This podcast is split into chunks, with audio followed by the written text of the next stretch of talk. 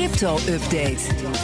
Herbert Blankenstein is bij ons, zoals altijd, om 7 minuten voor 9 op de woensdagmorgen. Goedemorgen, Herbert. Goedemorgen Bas. Ja, Bitcoin staat inmiddels uh, al een record uit boven de 10.000 dollar. Nou, uh, Herbert is ja. rijk. Mogen we.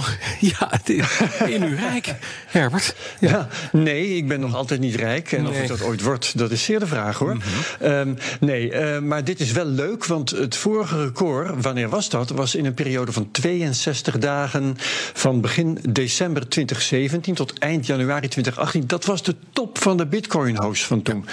En het zegt dus wel wat dat we dat nu hebben overtroffen, in elk geval in duur. Um, het gaat nu om een periode van intussen alweer 65 dagen dat de koers is gesloten boven de 10.000 dollar. Maar zo moet je het dus wel zeggen, sloot. Anders is het namelijk niet waar. In september is de prijs van de bitcoin echt wel nu en dan onder de 10.000 dollar geweest, op een aantal dagen zelfs. Alleen toevallig was dat dan net niet aan het eind van de dag. En aan het eind van de dag was de koers er dan net weer boven. Ja, maar wacht even, je hebt toch geen slotkoersen en uh, openingskoersen? De handel gaat toch 24 uur per dag door?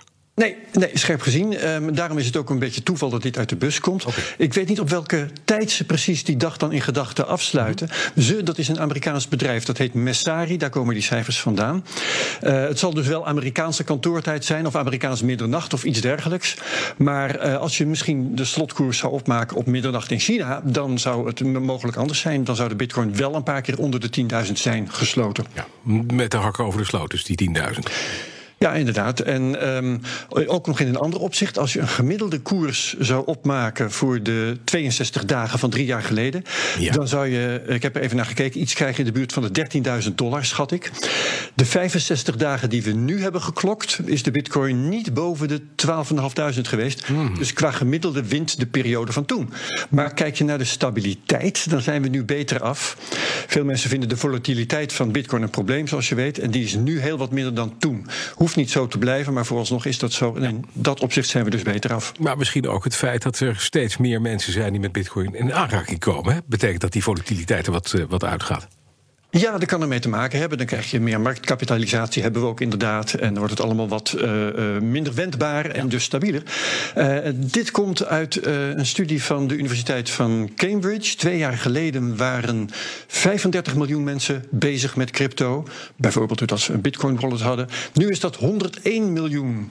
En de onderzoekers noteren daarbij dat hun werk door de strengere eisen voor identificatie van tegenwoordig makkelijker is geworden. Bedrijven weten nu beter hoeveel verschillende klanten ze precies hebben. En daardoor is die 101 miljoen van nu nauwkeuriger dan de 35 miljoen van twee jaar geleden. Ja, toch. Als we kijken even naar de, de periode. Het publiek vertrouwen in crypto's is in die periode wat minder geweest in de afgelopen jaren. Ja, dat is waar. In de afgelopen twee jaar daar zit dus bijvoorbeeld die bear market van 2018 in. En ja. ook uh, vorig jaar, 2019, was best een moeizaam jaar met een lange dalende trend van die geloof ik een half jaar duurde. Uh, dat werkt met vertraging door. Bijvoorbeeld het aantal mensen dat nu in de crypto-business werkt, groeide in 2018 nog met 57 procent. In 2019 nog maar met 21 procent. Ja. Toch wel percentages waar je in elke andere industrie uh, best wel mee kan aankomen. Ja, dat is waar. nog een mooi getal. Het aantal bedrijven dat helemaal niet doet aan identificatie van klanten, hè, KYC, Know Your Customer, dat is teruggelopen van 48% naar 13%. En die 13% zitten vrijwel allemaal buiten Europa en Noord-Amerika, want daar komt het bijna niet meer voor.